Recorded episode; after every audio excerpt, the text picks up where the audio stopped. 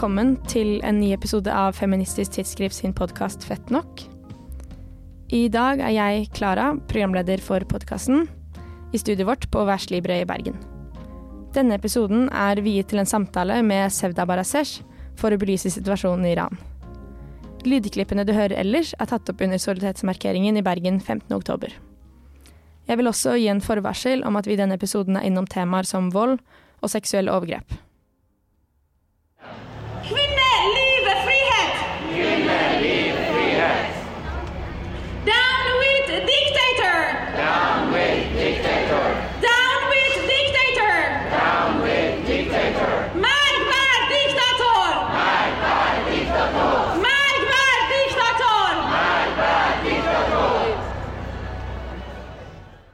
Hei og velkommen, Sevda. Hei. Har du lyst til å si litt mer om deg selv, og gjerne litt om din tilknytning til Iran? Ja. Um, jeg jobber som eh, journalist i Avisa Oslo akkurat nå. Um, I tillegg så har jeg master i Midtøsten-studier med spesialisering innenfor Iran. Uh, det er ja, veldig kort sagt har fokusert på hijabloven. Uh, mest om de demokratiske spenningene eh, i møte med islamske idealer. Um, og så er jo jeg født i Iran. Jeg kom til Norge i 2001. Da var jeg ca. åtte år gammel. Og jeg er veldig, veldig engasjert i eh, ja, alt all, all, som rører seg i Iran, egentlig. Du har tidligere skrevet på din egen Instagram at uh, etter 43 år så har verden endelig fått opp øynene for brutaliteten Den islamske republikken er ansvarlig for. Kunne du ha begynt med å fortelle litt om den politiske situasjonen i Iran, og litt om hvordan disse forholdene har utviklet seg? Mm, ja, For å snakke om Iran så må vi først huske på at dette er et autoritært eh, diktaturregime. Um, det er et samfunn der man ikke har um, verken religion, um, politisk, sosial eh, frihet. Um, det er heller ikke en fri flyt av informasjon. Dvs. Si at man per dags i dag ikke vet egentlig hvor mange som faktisk er drept under protestene. Uh, det er et minstetall som de internasjonale organisasjonene eh, rapporterer om. Um, det som er problemet i Iran, ligger først og fremst i grunnloven. Uh, at den juridiske kilden er, etter konstitusjonen er sharialoven. Um, og da vil det si at uh, den lovgivende, utøvende og dømmende makt ligger egentlig hos den øverste åndelige leder og hans håndvalgte uh, vokterråd. Dvs. Si at dersom parlamentet skulle ha hatt uh, lyst til å reformere noe som helst, så har de ikke mulighet til det, for da blir stemmen deres tiet. Den øverste leder er også den som forhåndsvelger alle presidentkandidater. Dvs. Si at det ikke er noe form for demokrati. Det er ingen som fritt kan melde seg som presidentkandidat i Iran. Um, og dersom en reformistpresident skulle liksom mot all formodning ha lyst til å uh, slakke litt på noen av områdene, som f.eks. hijab eller andre, andre områder, så har han ikke mulighet til det. For da blir, uh, da blir det vetoet siden vi er i en feministisk podkast, så kan jeg jo nevne at i 2013 for eksempel, så eh, godkjente parlamentet et lovforslag eh, om at Iran skulle ratifisere FN-konvensjonen om avskaff avskaffelse av alle former for diskriminering av kvinner. Eh, men Vokterrådet var imot det, så da fikk de heller altså ikke gjort det, for det var i strid med sharia-loven. Mm. Um ja, fordi det er jo hijabloven vi ofte ser utad i media, og som har fått mest oppmerksomhet. Hvorfor står den så sterkt av lovene og har så store konsekvenser? Den, den obligatoriske hijabloven representerer ideologien til Den islamske republikk. Eh, for Den islamske republikks forståelse av islamske normer har formet en eh, skjønnspolitikk som er ekstremt diskriminerende for kvinner i dag. Eh, men i tillegg så lever menneskene også under et strengt autoritært regime der det ikke eksisterer ytringsfrihet, ingen religion, sosial eller politisk frihet. Det er heller ingen fri rettsvesen, det er korrupsjon, det er høy inflasjon og arbeidsledighet. Det er også faktorer som ligger til grunn for hvorfor folk er ute i gatene nå. Um, for vi hører slagord som uh, kvinnelig frihet, men disse har utviklet seg til mer radikalt budskap som død over diktaturregimet og død over Den islamske republikk og Khomeini. Um, og folk roper at de på en måte har fått nok og ikke ønsker en, en dag til under dette regimet. Mm. Den obligatoriske hijab-loven viser hvordan staten ser på kvinner eh, og representerer ideologien til staten. De anerkjenner ikke at kvinner kan ta makt over sin egen kropp, eh, eller ta en simpel moralsk valg over å velge hva de vil ha på seg engang. gang, for ikke snakke om å være en del av beslutningstakingen i landet. Så hijabloven er jo veldig representativ for hvordan kvinner har det, men det gir oss bare et glimt av hvordan det er å være kvinne i Iran. For med eh, hijabloven kom også begrensninger på utdanningsvalg eh, eh, og yrkesvalg, og kvinner ble etter revolusjonen fra 1979 eh, omgjort til å bli mer og mer en hjemmeværende familiekvinne. Det var det bildet eh, kvinnen skulle ha, fra å gå og være til en fritt, eh, fri kvinne som også var med på å lede revolusjonen, egentlig. Eller som var, som var en stor del av revolusjonen i 1979. Men til å bli en mer hjemmeværende familiekvinne som skulle underordne seg mannen. Da. Eh, så hijabloven er bare veldig den mest synligste, men det er absolutt ikke absolutt ikke den eneste undertrykkelsen kvinnen går gjennom. Eh, og så er det jo kanskje mange som spør ja, men har ikke iranske folk større problemer enn en hijab-loven. Men, men, realiteten er jo at hvis ikke man kan anerkjenne at kvinnen kan ta et valg over kroppen sin engang, så kan man jo ikke anerkjenne at kvinnen har noen som helst form for eh, bestemmelsesrett i et samfunn. Mm. Eh, som du sa, så er det jo et regime som styrer over dette, men hvordan er det den makten utøves? Eh, for jeg har forstått det litt som at det er både paramilitære grupper inne i bildet, eh, og lovgivninger som gjør at enkelte har lov til å anmelde naboen sin. At du har veldig få tryggheter siden makten er så spredt. Eh, altså det finnes ingen form for rettssikkerhet eller fritt Eh, rettferdige eh, rettsprosesser eh, i Iran.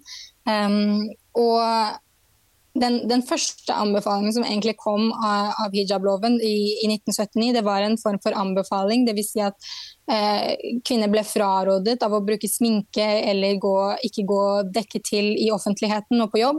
Og så ble dette lovsatt først tre år egentlig etterpå med 74 piskeslag og eventuelt fengselsstraff. Eh, fengselsstraff. Men eh, det fins ingen form for lovgivning, selv om vi har en konstitusjon i Iran. så er det det er bare på papiret. Eh, til syvende og sist så er det folka som har makten, som kan egentlig gjøre akkurat det de vil. Det er Basiji-styrkene, det er militærstyrkene, det er eh, sikkerhetsstyrkene. Um, og så har vi jo dette moralpolitiet som har blitt enda forsterket med årene, spesielt etter Ebrahimi, sittende president Ebrahim Reisi, um, som har forsterket disse styrkene i storbyene. Men, men til syvende og sist så er ikke dette et land som man kan liksom kategorisere på noe som helst. Det er ingen slags for lov, det er ingen slags for regler. Eh, kan, de som har makten, kan gjøre akkurat det de vil. Um, så det er ingen form for trygghet for, de, for, for menneskene egentlig i Iran. Folk, det er uh, sikkerhetsstyrker på, på, gatene, det er basijer, det er politi. Det er alle, alle som er regimefolk, har makt uh, i samfunnet. Mm. Hva er basijer? Eh, Basiji er iransk paramilitær organisasjon som er underordnet Irans revolusjonsgarde. Um, har du lyst til å, Nå som du har sagt litt om de eh, som utøver makten, har du lyst til å si hvilke metoder eh, de og regimet bruker som virkemiddel for å prøve å opprettholde kontrollen? Um, som vi har sett, så er det jo store demonstrasjoner over hele landet. Og de har begrenset med kapasitet til å klare å, å holde styr på det her. Eh, men nå som de vet at hele verden egentlig ser på, eh, så ser vi at dødstallene er mye lavere enn det det var f.eks. i 2019, der 1500 er meldt, uh, ble meldt uh, som døde under protestene. Um, og Grunnen er ikke at de er mindre voldelige, men de bruker f.eks stålkuler for å skyte ned folk. Eh, og det er også blitt spredt bilder eh, både på nyhetsbildet og i sosiale medier med, med folk som er altså, Der hele ryggen er eh, rett og slett covered med kuler. Det er ikke, det er ikke altså dødsdødelige kuler, men det er stålkuler som skader folk og som gjør folk blinde, sånn at de blir skadet til den grad at de ikke kan gå ut og protestere, men de blir ikke erklært døde, da, så de er ikke med i den statistikken. Um, I tillegg så bruker de også paintball-geværer for å markere demonstrantene. Så når, de stort, når det er en stor demonstrasjon, så bruker de paintball-kuler, sånn at de får farge på klærne sine, sånn at de senere kan identifisere de som har vært ute og protestert. Um, I tillegg til at de, vi ser videoer av at folk blir slått ned i hjel, uh, at de blir tatt til fanger. Det var jo senest i forrige uke rapportert om 12 500 fanger kun under protestene. Um, og vi vet jo ikke hva som skjer med disse protestene. De blir inneholdt i en fengsel. Det var jo nylig også en brann i den største fengselet i Iran, der nesten alle politiske fanger blir, blir holdt. Ja, er det uh, Evin-fengselet? Ja, stemmer. Mm. Uh, Evin-fengselet. Der eh, jurister, det er journalister, det er menneskerettighetsaktivister, til og med miljøaktivister. Det er alle de skarpe hjernene av Iran sitter. Eh, og mange, mange, tror jo, eh, eller eh, det ryktes om at dette er påsatt av eh, av, eh, altså av regimet selv for å spre frykt, men også ikke minst for å, for å bli kvitt disse fangene.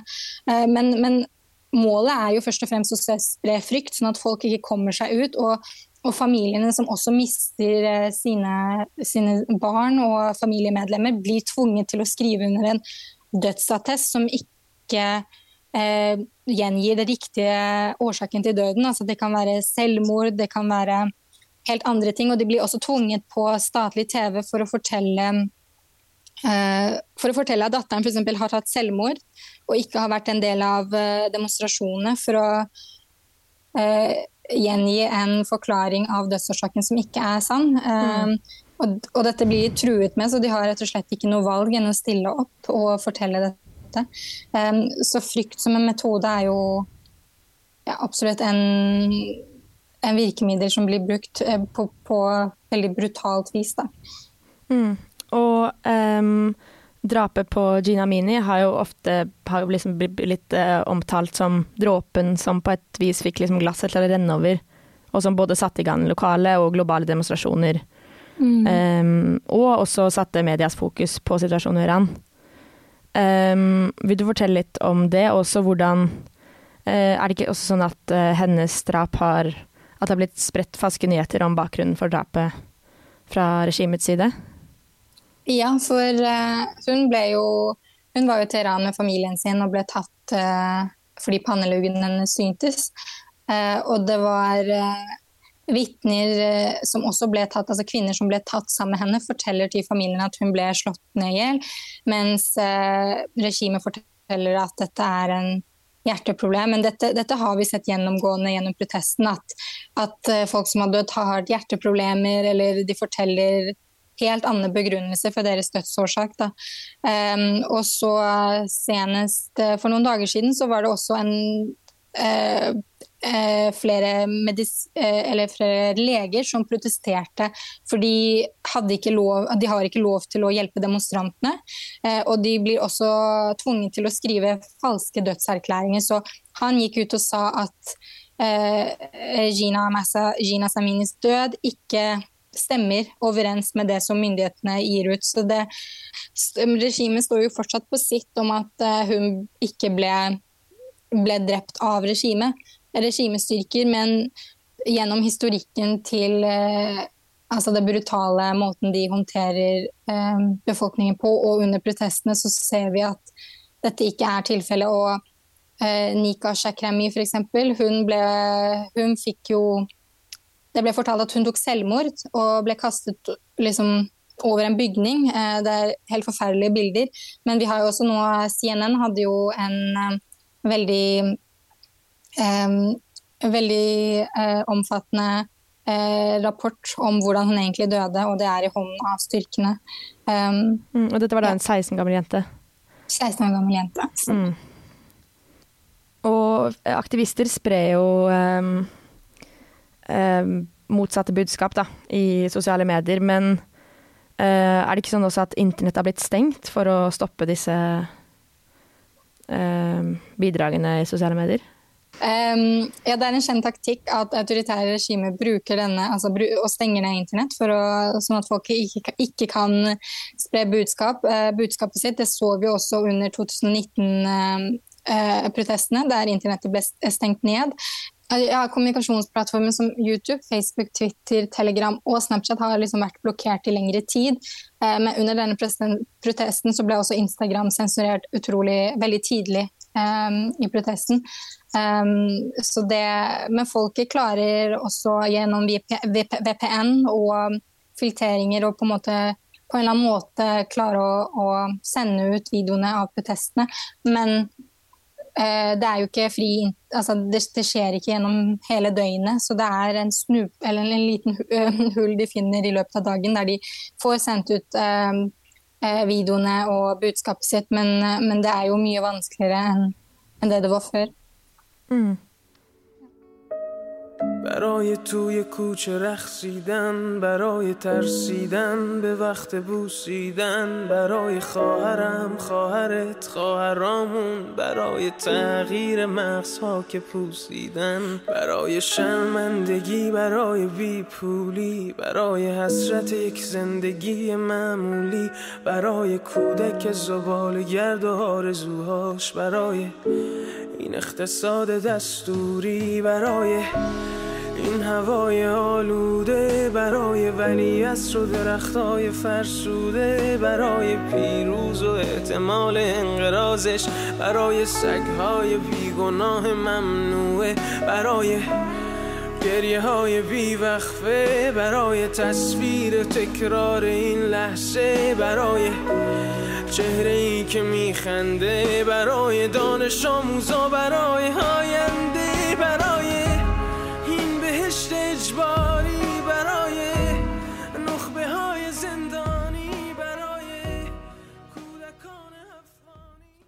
Det har jo vært en del slagord eh, i demonstrasjonene.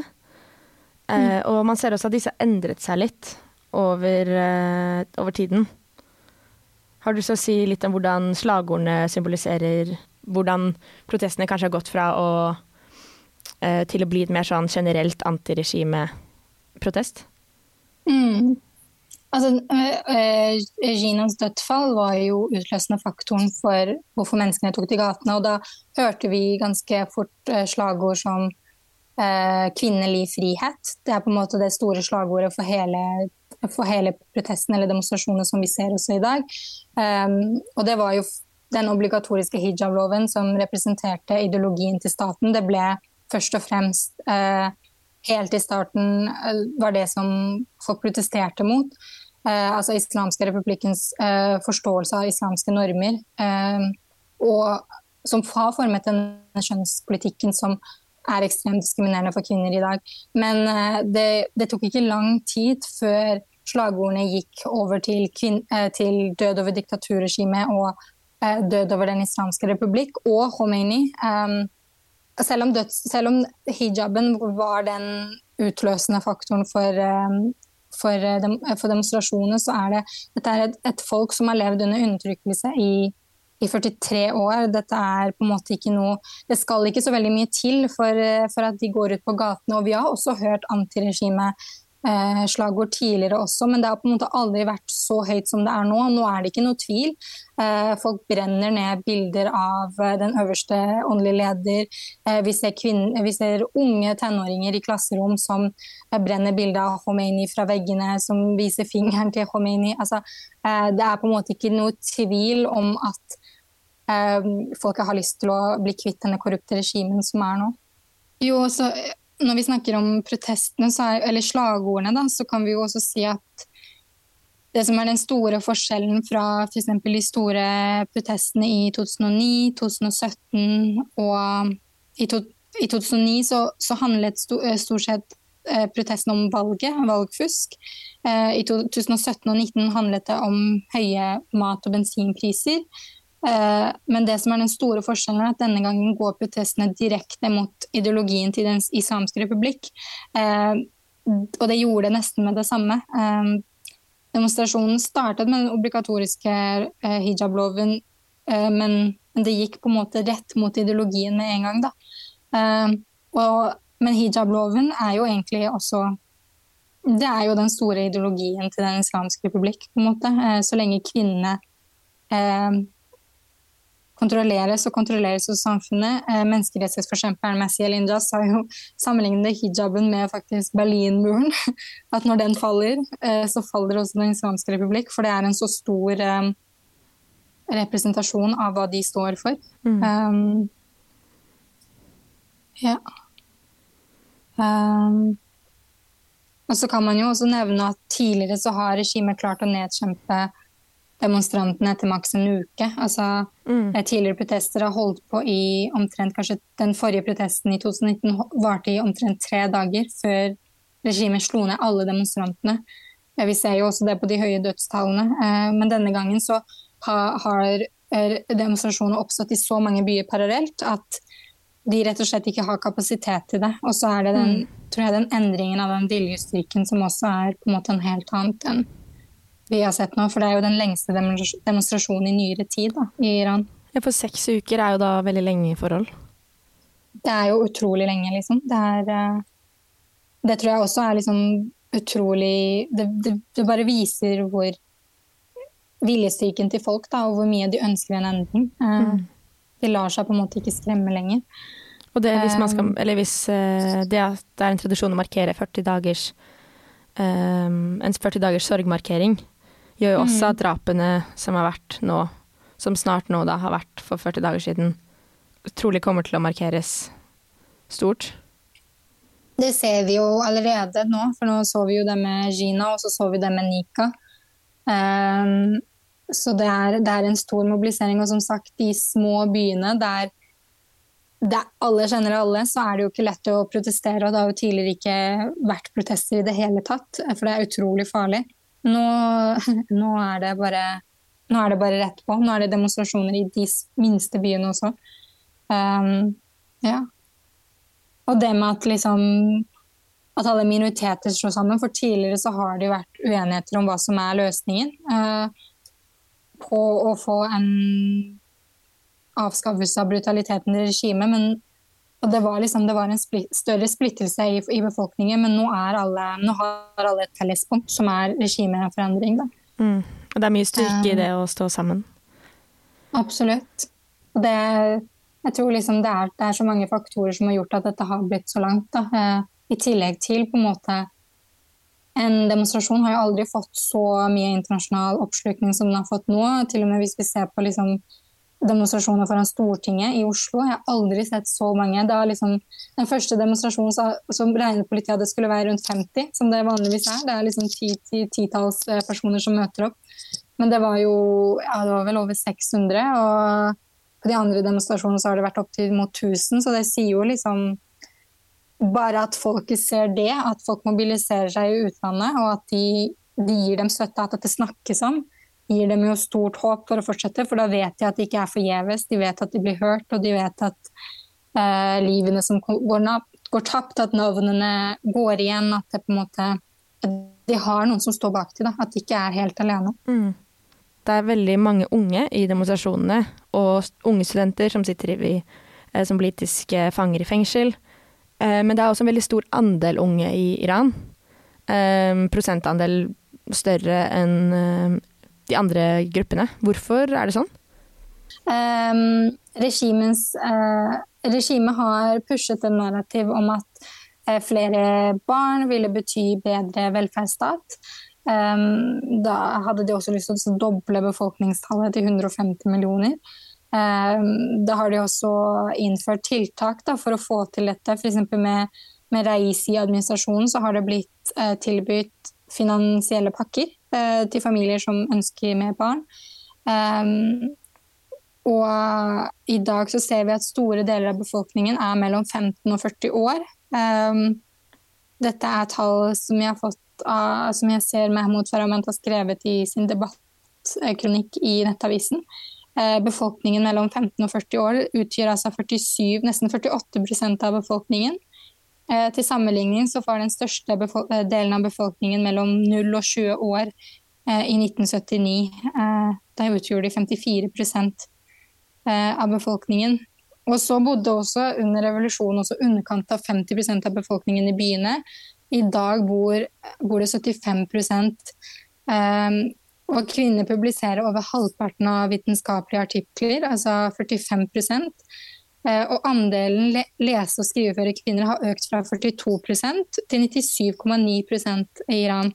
Uh, så det, det, er en veldig utdannet uh, det er en veldig utdannet befolkning, så det tror jeg også har veldig mye å si. Altså, folk finner seg ikke i hva som helst. De, eh, det tror jeg også har en stor betydning for eh, hvordan revolusjonen går fremover også nå. Ja, At alle disse tingene er styrker i kampen mot regimet. Mm, det er et urbant, uh, utdannet folk som kjemper nå. Um, i, i, større grad enn det det har vært tidligere. Mm. Og unge mennesker som også vokst, har vokst opp uh, med disse uh, altså med mangfoldet av disse reformene og protestene opp gjennom tiden. Ja, og så er det jo unge mennesker som også har sosiale medier. De, de, vet hva slags liv de egentlig kan ha. De ser hvordan vi i Vesten lever. Eh, de ser hvordan, hva frihet betyr, så det også er jo inspirerende for de de eh, altså Sosiale medier har jo vært, vært å spre, spre våre livs, livsstiler. Da. Så på en måte har vist at det de, det de, lever, er ikke det de ønsker, på en måte. Um, og så tror jeg at det har vært unge mennesker, og så har vært også kanskje med på å spre nyheten om protesten i større grad. fordi vi ser jo hvor stor for TikTok og Instagram, altså hvordan det blir spredt nå. Og det er jo eh, stor grad unge mennesker som bruker plattformene også her i, i, i Vesten, på en måte, eller utenfor Iran. Eh, så kanskje at de kan identifisere seg med den unge befolkningen da, som er ute og protesterer og som mister livet. Mm. At den unge befolkningen har på en måte gjort at vi har spredt det mye mer da, i sosiale medier. For det er liksom Ja, at de identifiserer seg med jevnaldrende. Mm. Det er jo liksom nå går jo regimet For nå som vi har snakket om befolkningsandelen, liksom, regimet går jo nå spesifikt etter studenter. Vi ser jo at universitetet blir angrepet, at, at universitetsstudenter blir valgt. Det er jo også et poeng om at liksom, de går rett etter uh, the source, da, på en måte, eller kilden. Mm. Nå, uh, for å spre frykt. Uh, for det er jo de som driver denne demonstrasjonen. Ja, dette er styrker, men det også, gir også ekstra svakheter til de som står imot. Mm. Mm. Mm. De, blir jo, de, blir jo, angrepet direkte liksom, på lærestedet sitt, på en måte. Mm. Vi ser liksom, nå ser vi jo liksom ungjenter, altså kanskje under tenåringsalderen til og med, eh, som har sluttet seg til, og som skulker skolen for å eh, demonstrere. Um, men det er, det er, jo et poeng at nå at styrkene direkte går liksom mot universitetsstudenter nå, da. Mm. Eh, jeg vet ikke om vi f.eks. skal nevne Ja, den første var jo kanskje Sheriff i universitetet i Teheran, som er et veldig prestisjefullt uh, universitet. da, som ja. Og de, de, startet jo også bare med, med slagord som kvinnelig frihet, men som ble bare mer radikale etter hvert. Uh, de var jo de første videoene vi så av angrep mot universitetsstudenter. Og dette blir jo kalt en revolusjon i stor, større grad nå enn tidligere. Har det gått fra å være liksom ulike reformer til å kanskje til å kunne kalles en revolusjon? Eh, nå er jeg ikke en analytiker, men vi er jo oppe i den sjettende uken av demonstrasjonene. Eh, selv om folket ser eh, hvordan altså andre blir brutalt drept, så, så, så, er de fortsatt ute på gatene dagen etter. De protesterer. Vi ser videoer av uh, unge mennesker som legger seg foran sikkerhetsstyrkene. Og, altså, dette er modige folk, så jeg vet ikke hva som skal til for å kalle det en revolusjon, men det de selv sier at dette er ikke lenger en protest, dette er en revolusjon. Og hvis vi ser på hvor lang tid dette har pågått, da, så så er det på en måte ingen vei tilbake. Jeg tror det bare er snakk om tid til faktisk uh, til regimet styrtes, ikke, ikke, om det gjør det. Uh, for folket kan, kan altså Stemningen er sånn at de ikke kan tenke seg et liv tilbake til det de hadde. da. Så nå er det bare all in og ja, mm. kjempe til de kan. Spørsmålet er bare hvor mange som kommer til å miste livet inntil det skjer.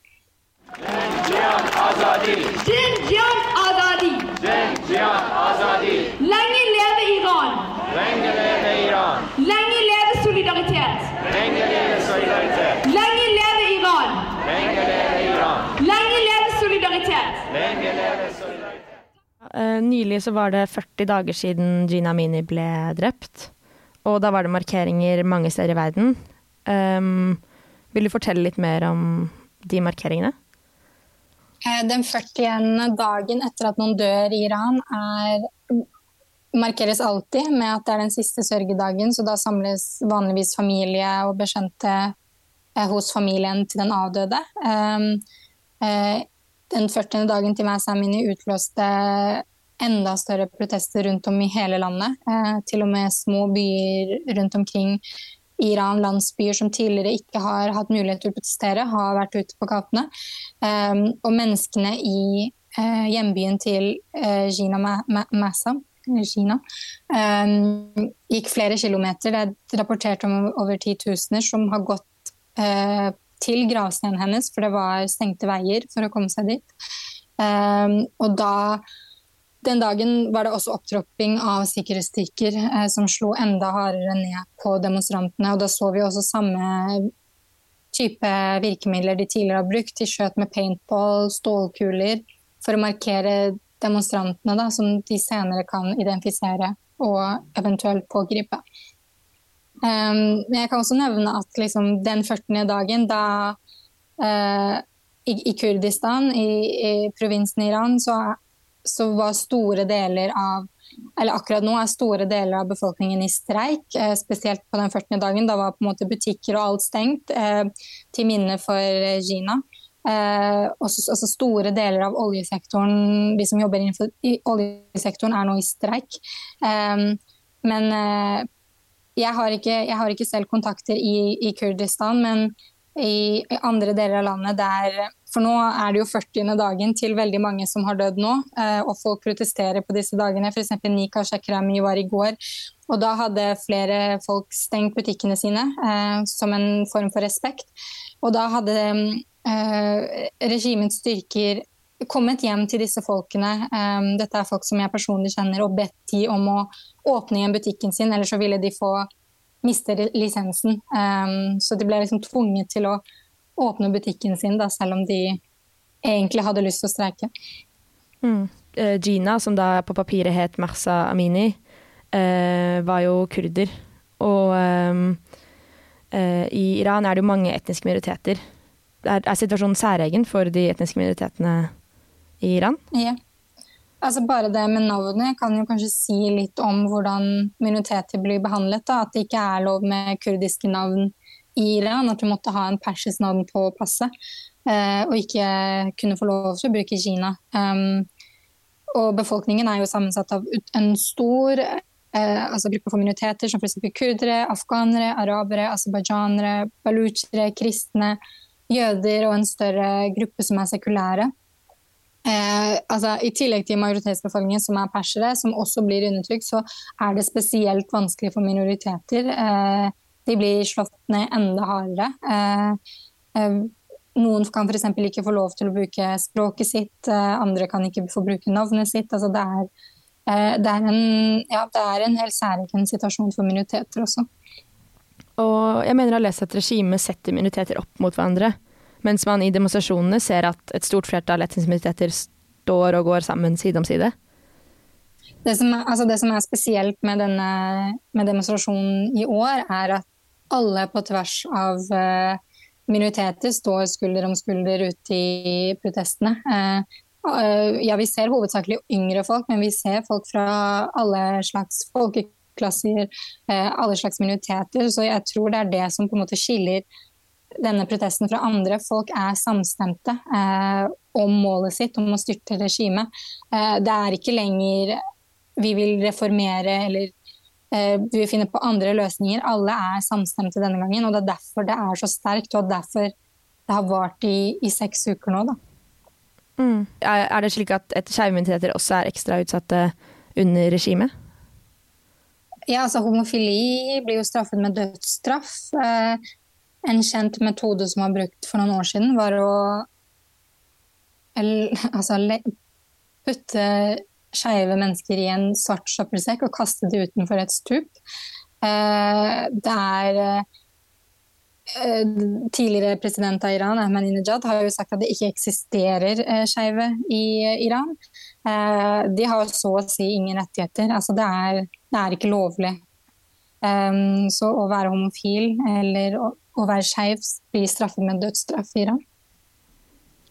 Ja, du forteller jo om helt forferdelige metoder og, eh, som regimet benytter seg av.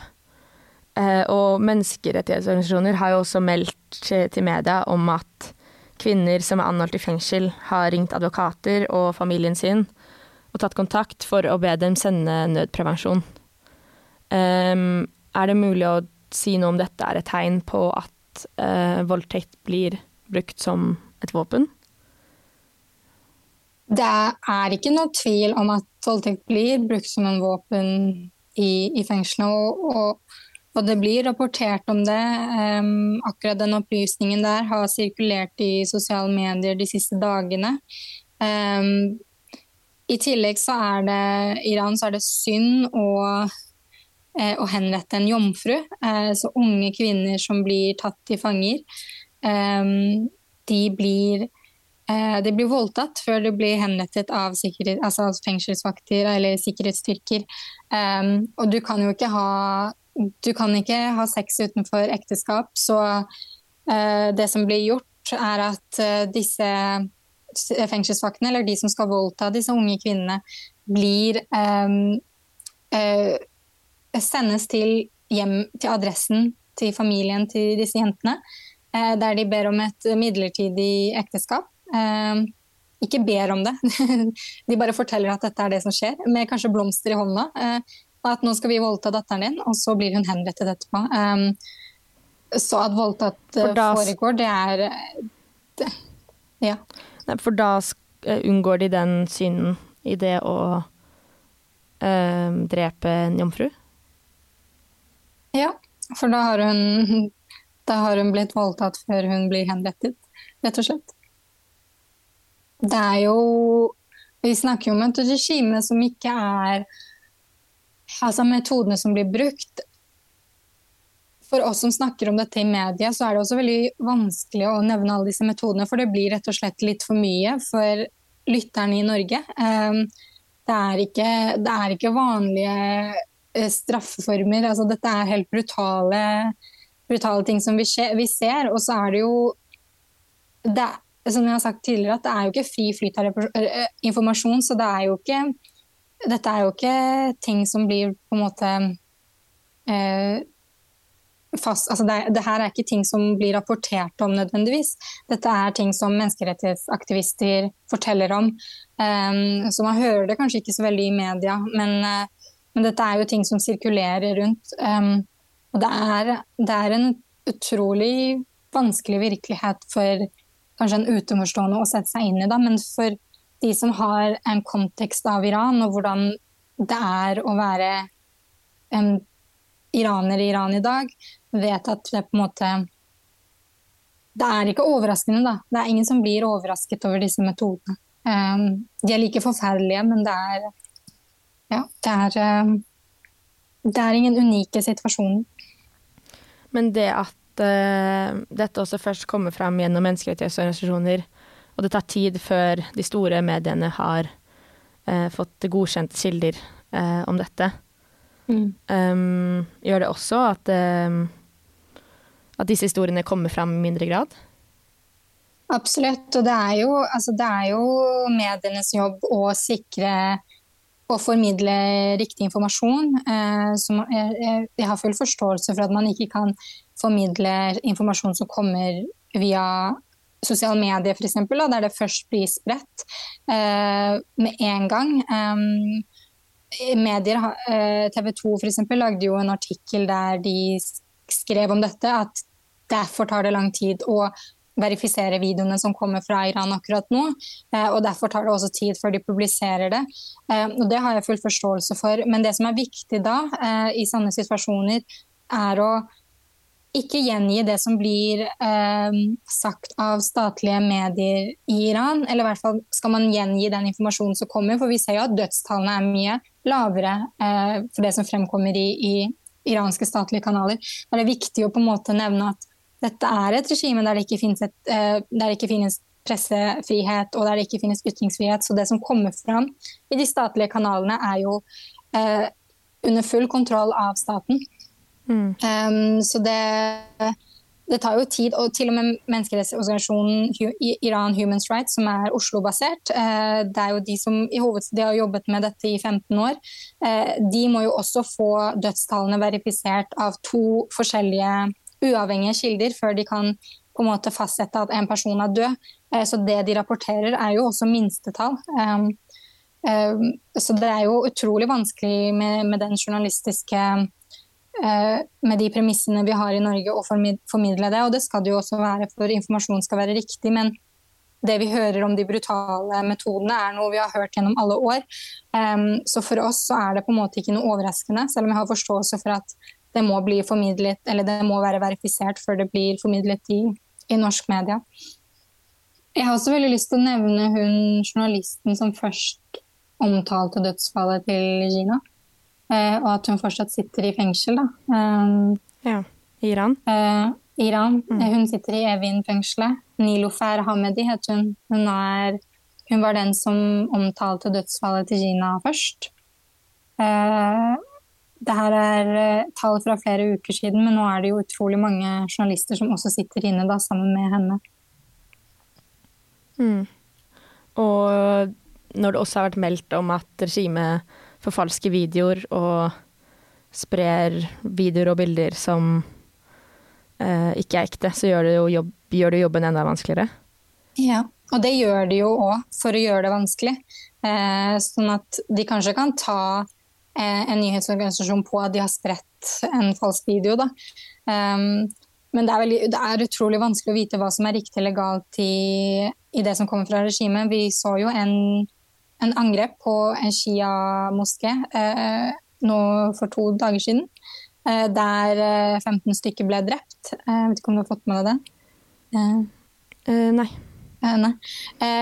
det var jo det også sies jo at det er regimet som står bak, sånn at de kan mobilisere de som faktisk er tro, troende, da, for å fortelle at dette er, en, dette er en revolusjon mot tro, ikke sant. Um, fordi sikkerhetsbildene som kom ut fra den, den moskeen var jo bare timer etter at det skjedde. Um, mens f.eks. Ginas død tok jo flere dager før de um, kunne utgi noen sikkerhetsvideoer. Og regimet har, gjort lignende, eller har brukt lignende metoder før, for først og fremst å, å kanskje Eh, få bort eh, fokuset fra protestene og få det på noe annet. Men i tillegg til å på en måte ommobilisere befolkningen. Da, sånn at, for nå er jo også muslimene altså muslimene, eh, flertallet, ønsker jo heller ikke mm, det sittende regimet. Det representerer jo ikke dem. Men de gjør slike ting, altså som et angrep på moské, for å bevise at det er oss mot dem, da, sånn at de kan mobilisere de religiøse. Selv om det også ikke er verifisert ennå. Men mm. vi har gjennom historien sett lignende, um, lignende hendelser. Da. Ja, ja, men det at det er et terrokratisk diktatur, og at de bruker religionen i en argumentasjon, gjør at de også på en måte forsøker å få med seg de som på en måte skal stå på samme side. Mm. Mm. De, de, vil jo Når de ser at alle tvers av religioner nå står sammen, så skremmer jo det dem. Eh, for nå vet jeg at de ikke har støtten til også de som er tro, troende. Um, så nå er på en måte målet å få flest mulig på deres egen side, eh, bortsett fra deres eget folk, som Ja. Og, og, måten å gjøre det på er på en måte å skape den splittelsen, da. Mm. Ved å muligens konstruere slike hendelser. Um, dette er et litt um kanskje et vanskelig spørsmål, men er det mulig å si noe om hvor lenge du tror da, at demonstrantene må holde ut med denne brutale motstanden? Eh, det er helt umulig, tror jeg. For også analytikere som tidligere har på en måte sett på lignende bevegelser, har jo tatt feil flere ganger eh, gjennom denne runden. Um, men altså størrelsen og varigheten på disse protestene tilsier at dette er jo på vei til å bli en revolusjon, hvis ikke man kan kalle det det allerede. Um, og den den stemningen med at nå er det ingen vei tilbake. At vi vil ha friheten vår uansett hva. Eh, og vi er villige for å dø for det. Eh, vi ser jo at dette kan eh, vare utrolig lenge, men nå er det jo også opp til det internasjonale samfunnet å, å stå bak iranere, for de står der uten våpen, med, med bare hender, på en måte, og, og kjemper. Så det er jo opp til det internasjonale samfunnet å fortsette å fryse ut eh, Den islamske republikk og alle deres tilknytninger i utlandet. Fryse alle deres midler. Eh, sette sanksjoner som virkelig kan ja, sette press på regimet. Da. Bare f.eks. under Ukraina og Russland-krigen så ble jo Russland fryst ut av idrettsarrangementer. Bare det er jo med å sende et signal på at dette ikke er ønskelig. Eh, aksjonister har jo, og den, den kjente menneskerettighetsforkjemperen Masiel Nejad i USA har jo også sendt eh, brev til Fifa om å, fry, om å utestenge eh, Iran fra VM. Altså det, er, det, er, sånne tiltak vi må gjøre for å eh, sende signal til regimet, eh, i tillegg til sanksjoner, da, slik at det blir en helt full stopp av forhandlinger med regimet. For det, det er ikke mulig å forhandle med diktaturregimet. Og det, har, det, tror jeg vi har sett gjennom årene. At dialoger ikke nødvendigvis har ført til noe sted. Mm.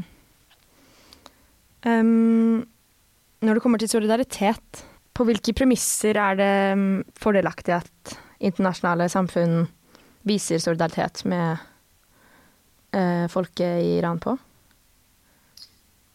Um, altså Målet med solidaritet er jo at det skal føre til en handling. Uh, det er jo det de ønsker. Og premissene akkurat nå er veldig enkle. De vil ha frihet. Um, og det som skiller kanskje det som denne protesten med andre protester tidligere, er at folk har ikke så veldig mye å gå på. De har til og med et nettverk som er på en måte nede, så de får ikke spredd ut budskapet sitt. Så målet akkurat nå er å være stemmen deres, og det er jo det de sier. Eh, be our voice, liksom. Det, det, er jo slagordet som går over alt på internett. Så premisset er bare å være på deres side, og du trenger ikke å ha uh, 43 år historie eller altså, lang kunnskap om Iran for å være på kvinnens side. Man skjønner, ikke bare kvinner, men iranske folkets side, man skjønner at man har nå sett gjennom den protesten som er nå, at, at hva folket faktisk går gjennom. Da. Um, men altså, andre, andre, protester har kanskje en forutsetning for at du skal ha mye kunnskap om akkurat det som skjer, men premisset akkurat nå er å være stemmen til de som er der. Og, og så lenge man viser solidaritet, og så lenge man viser eh, er på deres side, og hvis man i tillegg kan sette press på på beslutningstakerne i det landet man bor i, da, eh, tror jeg alt som trengs. Eh, for folk Iran er utrolig takknemlige for den støtten de får, og man ser jo det bare på eh, Hvis en artist legger ut en eller annen beskjed, så er jo bare det florerer av meldinger under den kommentaren, og de er utrolig poetiske. Det er altså sånn Tusen takk for at du er stemmen vår, sjelen min har fått ro. Altså det, du skjønner mm. fort hvem som er iranere i det kommentarfeltet, for det er utrolig poetiske eh, meldinger som kommer ut. Um, så det skal ikke så mye til. Og så tror jeg at denne demonstrasjonen altså, Det har jo vært utrolig mange demonstrasjoner over tiden i Iran. Dette er ikke uh, spesiell, men det, det er spesiell i form av varigheten og at det er kvinner som står i front. Men det har vært utrolig mange protester. Men jeg tror det har vært lett for verdenssamfunnet å henge seg på det. Fordi det første årsaken var at en, en kvinne døde for å vise litt hår. Uh, det var ikke økonomiske årsaker bak, det var, liksom, det var noe så simpelt. Um, og folk klarte på en måte å skjønne at dette er urettferdig. Dette, dette, skal jo ikke skje. Hvorfor skal en kvinne dø for å vise litt hår? Um, og De klarte å liksom mobilisere seg, så jeg tror årsaken, selv om det er ikke er hijabloven som er liksom i fokus nå, så tror jeg den årsaken til dødsfallet var med å simplifisere det da, for, for verdenssamfunnet, og at de kunne henge seg på. Um, så jeg tror også det er det som er spesielt. at det er derfor måte, Du trenger ikke forkunnskap for å kunne henge deg på. Det er bare eh, vær stemmen til de, de, som er ute og, og, kjemper med livet som innsats nå. Um, det jeg tror er viktig å huske på nå, er at dette er en frigjøringskamp. Dette er ikke en eh, hijab-kamp, dette er ikke en politisk kamp. Dette er mennesker som kjemper for helt grunnleggende menneskerettigheter. De kjemper ikke for å reformere det regimet som er nå, de kjemper for, en, for å styrte regimet som er nå. Så de kan få et demokratisk samfunn med de frihetene som vi tar for gitt her i, i Norge. Um, så jeg tror det er veldig viktig å, å huske på at dette er en, dette er en frigjøringskamp, og at, at, nå er det vår tid å, å være stemmene og, og, formidle de stemmene som kommer fra Iran nå. Var det svar på spørsmålet? Det var svar på spørsmålet. Tusen hjertelig takk. Da avslutningsvis så vil jeg bare først og fremst si tusen hjertelig takk til deg, Sevda, eh, for at du bidrar til å sette fokus på situasjonen i Iran. Og takk til deg som lyttet. Tusen takk.